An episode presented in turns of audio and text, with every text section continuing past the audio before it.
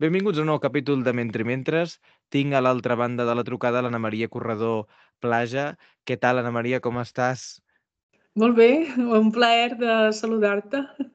Avui som aquí Mentre Mentres perquè hi ha una novetat editorial que ha traduït l'Anna Maria. Són les edicions del Reremus amb la Fundació Angelus Novus que han publicat La meva travessia dels Pirineus, l'últim camí de Walter Benjamin. Es tracta d'una autobiografia de la Lisa Fitco, espero haver-ho dit bé. Um, aquest volum, que ja s'havia publicat en castellà, que havia tingut la seva repercussió, ara apareix en català amb aquesta nova editorial. Ens fa molta il·lusió avui partir d'una nova editorial, eh, explicar també i fer-ho també amb, amb qui l'ha hagut de traduir. Uh, què, què ens podem trobar a la lectura d'aquesta travessia? Perquè jo crec que hi ha molts punts, i abans fora de micròfon ho comentàvem, no? Uh, D'entrada, el fet de que sigui una autografia testimonial segurament és potser no uh, un dels elements potser més importants. Sí, jo diria que sí, que és el més important.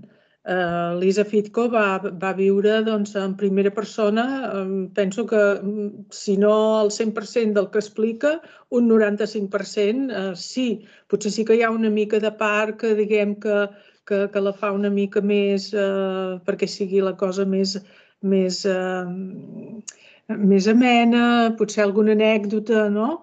però jo diria que ho va viure eh, pràcticament tot en primera persona i és una cosa que a mi m'ha sorprès molt la manera que té d'explicar les coses. Hi ha hagut moments que m'ha fet pensar en una altra autora, que és uh, Griseli Di Real, que, que van publicar ja fa un quant temps um, El negre és un color. Totes dues expliquen coses terribles, però amb un sentit de l'humor que és realment admirable i m'hi ha fet pensar moltes vegades.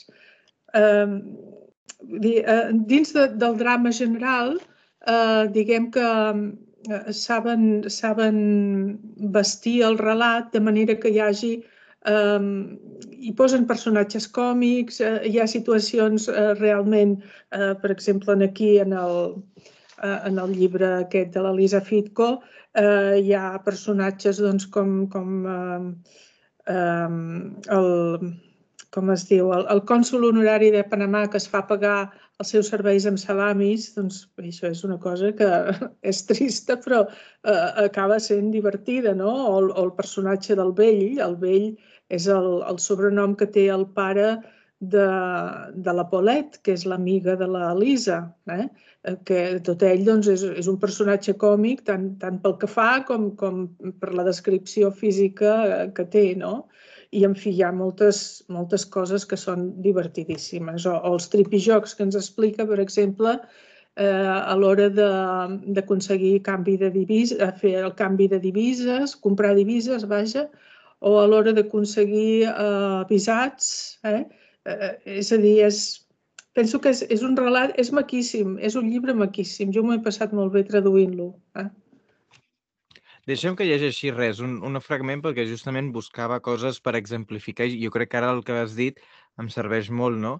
Uh, gairebé a, a l'equador del llibre, al capítol Les sabates no em van bé, ella mm. diu, no? Els mitjans de setembre de 1940 del compartiment estant mirava sense veure el paisatge magnífic que anava desfilant al migdia francès avillat de tardor i no em podia desempallegar dels meus dubtes. Havíem pres la decisió correcta, em vaig a reulir.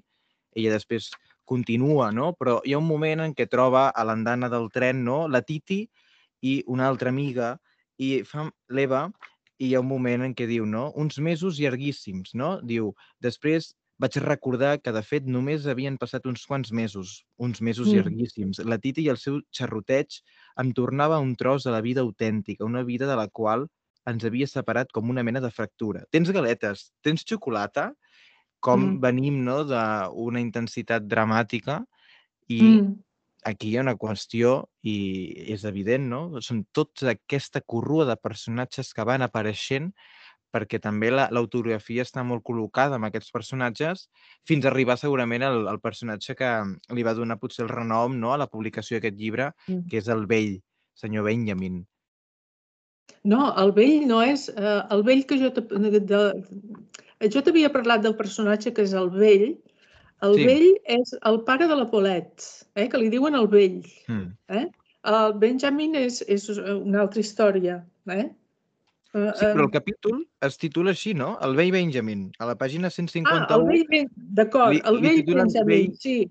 Sí, Sí, però a part del vell Benjamin, hi ha un Mhm. personatge, que és Sí. el pare de la Paulette, que també li Mhm. diuen el vell, que és un sobrenom que té. Mhm, Eh? mhm, mhm. Sí, sí, sí. Però eh, sí, diguem que el capítol eh, més important potser no, és aquest, el del, el del vell Benjamin, que a mi m'ha agradat moltíssim traduir aquest capítol perquè eh, havia, també ja fa un quant temps vaig traduir l'últim Talgo a Portbou de, de, de François d'Arnaudé i també té un capítol dedicat a, a aquest episodi de, de la fugida de Benjamin i la nit que va passar tot sol a la muntanya. El que passa que, a veure, que, que són... És un mateix fet, però explicat de dues maneres molt diferents, perquè la novel·la negra de, de Darnodé doncs, eh, eh, és, és senzilleta eh, i, per tant, el capítol és, és bastant resumit i aquí, doncs, eh, aquí sobretot el que veiem és la part humana de, del Benjamin, no? que és una persona, eh, jo destacaria, mm, exageradament educada, eh? exageradament educada i també molt tossuda, exageradament tossuda, una persona tossudíssima, eh? com ho demostra doncs, eh, per tot el, que, tot el que va passar. A mi em sembla que, que vaja, que és un capítol boníssim aquest, eh? molt bo, molt bo. I en la introducció que hi ha en el llibre, que ha aparegut també i que s'ha escrit per aquesta publicació que es titula El preu de la llibertat, de la Pilar Mm. Parcerisses, que també forma part de l'Àngelus Novus, explica Sí, no, com de fet, és la presidenta, eh? És, És la la presidenta. presidenta, de, sí, de- d'aquesta associació.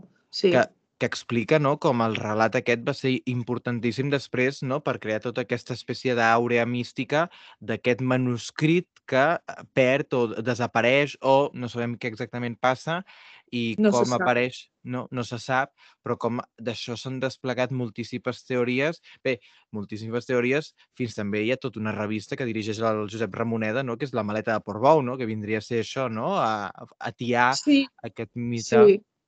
Uh, el que passa que aquí la primera cosa que s'ha de dir uh, és que, segons el relat de la, de la Lisa Fitko, um, Benjamin no portava una maleta. Era impossible que portés una maleta perquè els passadors no permetien que la gent uh, fugís muntanyes a través uh, amb una maleta gran. I hi ha altres exemples, hi ha el cas, suposo que ho has llegit, d'una família que no volia deixar la, les maletes, que es volien dur les coses i tal, i al final és que les han de deixar.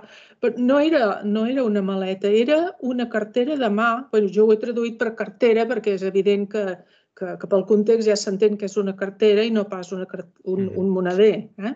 Una cartera de mà o era un maletí, maletí també es podria haver fet servir la paraula, però no era una maleta. O sigui, això de la maleta mm, no sé d'on ha sortit, eh? perquè ell no en portava cap de maleta. És que no la podia portar, de cap manera. Com d'interessant, no? A vegades, i això, no? Que ens trobem amb aquests relats que a vegades dins d'aquestes mitificacions, una cosa que també Benjamin, no sé si fins a quin punt li hagués agradat gaire, no? Tot que se n'estigués Mm. parlant més de tota aquesta figura. Tornem enrere amb el relat perquè hi ha una pregunta que també et volia fer, no? Com els primers capítols situen em, l'acció en el camp de Gurs i com Mm. nosaltres, potser com a... parlo des de la meva perspectiva gairebé, com s'ha explicat la història, tenim al cap camps d'Argelers, per exemple, Sí, molt sí, abans sí. que Gurs, no? Darrerament s'ha publicat aquesta adaptació d'aquesta pel·lícula que és del Josep, no? Com també és Argelers, no? Com també Mm. aquest relat ens dona la possibilitat de conèixer una altra realitat, en aquest sentit, Mm. un altre camp. Sí, i, i a mi m'ha sorprès perquè um, jo no ho sabia, però ho explica la- l'autora en el llibre, que van ser el, els presoners eh, republicans espanyols que varen, eh, que varen construir-se ells mateixos els barracots de, de, del camp, de, de Gurs. Eh? I, eh, I doncs, eh, com és que d'això no, no se n'ha parlat? No sé, no, no ho sabem nosaltres. És cert que el, el d'Argelers té molta més anomenada, no? N'hem sentit a parlar més, se n'ha fet més difusió, potser. I el de Gurs, doncs, eh, jo va ser una descoberta, vull dir, no, no sabia I, que... la, bes- I la bestialitat també del que s'hi explica, no? I com la gent Sí, acaba fugint sí. d'aquest camp. Sí, sí. Jo suposo que, a veure, que no n'hem sentit a parlar gaire de Gursen, però que sí, sí que hem sentit a parlar del que passava a Argelers i jo m'imagino que d'un camp a l'altre les condicions de, de, de vida, si se'n pot dir condicions de vida, doncs eh, eren, eren molt similars, eh? m'assembla, m'assembla. No podien ser gaire, gaire diferents. I després hi ha una altra qüestió, que és potser la singularitat de l'estructura Um, podria haver optat potser per una estructura profundament lineal o profundament organitzada, no? de mira, ara passa això, que de fet ho fa bastant, no? però dins dels capítols. Els capítols, entre alguns d'ells, hi ha alguns salts temporals, uh, uns més mm, grans, no d'altres, i també és molt interessant com ho agrupa també per una espècie com d'ordre temàtic, ordre... No? Ara dèiem aquest capítol que és del Bay Benjamin, però no confondre amb altres personatges que gairebé són molt més protagonistes en altres eh, parts del relat, no? Sí, de vegades em sembla que indica això és un, frag un fragment de la llibreta tal, no? O un fragment del quadern tal. Sí, de vegades dius, a veure, sí que fa salts, no? Però a mi, com t'he comentat abans, no m'ha sorprès tant l'estructura com el seu estil a l'hora d'explicar aquest contingut, que dius, està explicant autèntiques barbaritats, però d'aquesta manera que ho fa, que, que llegir-ho és realment és un plaer, és, és llegir-ho d'una manera amena. No sé, ara, ara estic pensant, quan explica el tema de les latrines, l'express de l'or, uh -huh. eh, que és el, el trenet aquell no, amb les vagonetes que passa cada dia a recollir doncs, el que surt de les latrines. Bé, tot això està explicat amb, amb moltíssima gràcia. La veritat és que ja te dic, a mi m'ha sorprès més el contingut que no pas l'estructura. Eh? No, mm -hmm. L'estructura, bé, dius, és una mica com si hagués fet el llibre eh, agafant retalls doncs, de, del diari aquest, del diari aquell, no? Però tampoc no trobo que, que sigui... Eh, que encara que siguin retalls, però sí que hi ha un, un, una, una línia no, de, de discurs, a mi em sembla que, que, veure, que no hi ha res que, que xoqui, que diguis, ui, ara passa d'aquí, de, de tractar aquest tema, ara passa a l'altre. Jo penso que està, l'estructura està força ben, ben elaborada, me sembla, eh? Uh -huh, uh -huh, uh -huh. Aquest és el llibre, La meva travessia dels Pirineus, Um, estem gairebé a l'equador de l'entrevista, però no volia desaprofitar l'oportunitat de parlar amb l'Anna Maria, perquè tinc al meu costat també, dins de la col·lecció La Clàssica, que també en el programa han vingut altres traductors que ja han publicat uh, la traducció que va fer l'Anna Maria, justament dels treballadors de la mar de Víctor Hugo, Um, M'agradaria saber també la, com acabes traduint això, perquè també en aquesta col·lecció hi has traduït altres textos. Uh, no mm. sé si ens podries parlar una mica de com arribes a traduir aquest text no, que no s'havia traduït abans al català i també que, amb la singularitat que, que té aquest text. Doncs aquest text va ser un encàrrec, eh? va ser un encàrrec de Josep Cots, que bé, eh, tractar amb Josep Cots sempre és un plaer, Uh, però, a veure, um, ell té molt clar el que vol publicar i, per tant, quan tu li fas propostes, uh, és molt difícil que et digui que sí. Eh? Em sembla que de totes les que li he fet, vaig aconseguir que publiquéssim La fada de les engrunes de Charles Naudier. Aquesta era, va ser una proposta meva, però jo diria que tot el que he publicat amb ell uh, són propostes que ell m'ha fet a mi eh? i que, bé, que sempre he acceptat perquè a mi traduir m'agrada moltíssim, sempre ha estat una de les meves passions i, per tant, així va arribar aquest, eh, els treballadors de la mar, que reconec, a veure, tot i que jo eh, sóc de filologia romànica i, i havia fet literatura francesa i tot, a mi aquest text no em sonava de res. És a dir, de Victor Hugo, doncs sí, eh, els reculls de poemes, els miserables, en fi, eh, Eh, moltes altres obres, però aquest em sorprenia moltíssim. I a més, una de les coses que li vaig comentar a en Josep eh, va ser que el títol, el títol, jo dic, el títol és que és lletgíssim, és que és una novel·la magnífica i, i té un títol que eh, trobo que, que l'espatlla però no es va poder canviar perquè, perquè és un clàssic eh? i per tant és un títol clàssic i, i s'ha de respectar però de veritat que quan sents els treballadors de la mar sembla que, no sé, que la cosa anirà doncs, d'algun sindicat o alguna, no? En Però fi, no té, no és- té res a veure amb cap sindicat ni res? No, no, No? no, no, no, no, és que és magnífica, és una novel·la, vaja, és, és, eh, ara va ser difícil, eh? Jo diria que és de les traduccions, segurament és la més difícil que he fet, eh? Perquè hi havia moltíssimes dificultats lèxiques, Mhm. eh, per exemple, noms de les peces que té un vaixell, eh, però més no un vaixell actual, sinó un vaixell de, de fa molts i molts anys. Hi havia molts noms de plantes, hi havia molts noms d'insectes, hi havia també molt de lèxic eh, normand, del dialecte normand.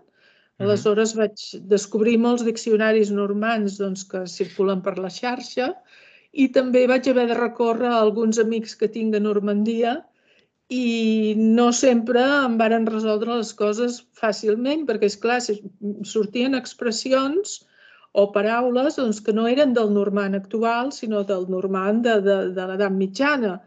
I, i és clar, doncs, eh, va ser complicat, però bé, una mica aquí, una mica allà, doncs vaig, eh, penso que me'n vaig sortir prou bé. Però, és clar, a més és un text molt llarg. A més de complicat, és que és llarguíssim, eh? és molt llarg. I, i vaja, va ser una feinada. Mhm. Una feinada, però que és això, no? Que ha quedat aquí amb, amb l'expressió màxima de també tenir eh, l'accés al català, que no és tan fàcil, no? Jo recordo que hi ha una traducció dels Miserables de la mateixa Maria Boigas, l'editora de Club Editor, i altres Mm. traduccions, però, vaja, tampoc és eh, una lectura, diguem-li, recurrent en el nostre eh, univers editorial i, per tant, també tenir aquest Víctor Hugo traduït per tu. I una altra pregunta que et volia fer ar- arran de la traducció és que un filòsof força contemporani com el Michel Onfray, no? També t'has Mm. hagut d'encarregar de traduir-lo gairebé tot. Sí. No, tot no. Ui, No, no. No, no, no. Queda moltíssim per fer d'Onfray. Ui, sí. Vam començar amb molta empenta. Vull dir, era una època que jo recordo que estava acabant un, un llibre de l'Onfray i ja en tenia un altre allà que m'esperava per començar. I, ostres, en aquella època doncs, era allò un traduir un no parar, no? Però després, eh, bé, sembla que Onfray aquí doncs, ha costat molt de, vaja, que, que no s'ha venut doncs, com s'hauria d'haver venut i eh, vam deixar de, de traduir-lo. Eh? Mhm. No Ara s'ha sé si... traduït, ara s'ha traduït fa poc i per això feia pensar no? que ja hi havia la sort de que... Però l'ha traduït a edicions de 1984? No, ah, ara és una traducció, la recent, que l'ha publicat l'editorial eh, que fa pensament, filosofia, que és la- l'editorial de l'Ignasi Moreta, el Sils Maria. No sé si el tinc per aquí, de fet, l'hagués pogut ensenyar. L'editorial és, eh, ara ho diré, espera't, que se m'ha anat de la punta de la llengua. Eh, ell va ser professor també nosaltres a la facultat a, a la Universitat Pompeu Fabra. Eh, eh, Fragmenta, editorial Fragmenta. ah, I és Mm. un recull que crec que és bastant... No, no té gaires anys que parla de Nietzsche, bàsicament. mm, I és una Mm. lectura sobre Nietzsche. Però bé, Sí. és el que tu ara deies, no? que se'n van publicar molts i, i, i Onfray també. Suposo també, ara amb el temps, no? l'altre dia un, ens entre, entrevistàvem el Miquel Àngel Lleuger i ens deia no? que com a personatge també és un personatge que després ha fet els seus girs ideològics i especials i bé, que Mm. també dona molt que discutir, però com a mínim tenim la gran sort de tenir-lo força traduït. I també et Mm. volia preguntar, perquè cercant, no he pogut aconseguir un, un exemplar, suposo per viure lluny de Portbou, però que vas, eh, et van encarregar un estudi de fons orals amb el títol No, no, Recull de no, noms. no. No va ser cap encàrrec, això va ser una No idea un meva, eh? No, no, no. Precisament era, era l'època l'època de la crisi, Mhm. eh, no tenia res per traduir i jo no, puc, no podia estar sense fer res. Eh? Bé, sense fer res, tenia la, la feina a la universitat, és clar, però a més a més doncs, jo havia de fer una cosa o l'altra. I, I com que no podia traduir, doncs em vaig dedicar a fer aquest recull, que és el segon recull onomàstic doncs, que, que he fet, i he, és, és l'última cosa d'onomàstica que he fet. Eh? Després ja he anat traduint i no he tornat a l'onomàstica.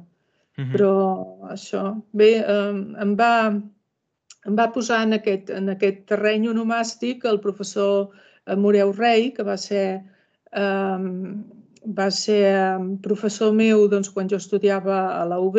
Bé, la UB eh, ara es diu UB, però abans era la Universitat Central, eh, ja ho saps. I doncs ell era, va ser professor de francès, però també ens va engrescar tot un, un grup d'estudiants doncs, a, començar a fer una mica de recerca eh, així eh, per via oral i, i va ser així que em vaig enganxar doncs, a fer coses d'onomàstica i sempre he estat vinculada a la societat d'onomàstica. Ara ja molt menys, però, perquè ja et dic, des del llibre de Portbou no he fet res més, però sí que durant molts anys doncs, eh, he publicat el butlletí, he anat als col·loquis i als congressos d'onomàstica i vaja, és, és la segona gran passió que tinc, eh? o que tenia, perquè ara ja et dic, ja ho he deixat una mica i ara eh, des de que m'he jubilat, podem dir que només visc per, per traduir. Eh? Ara sí.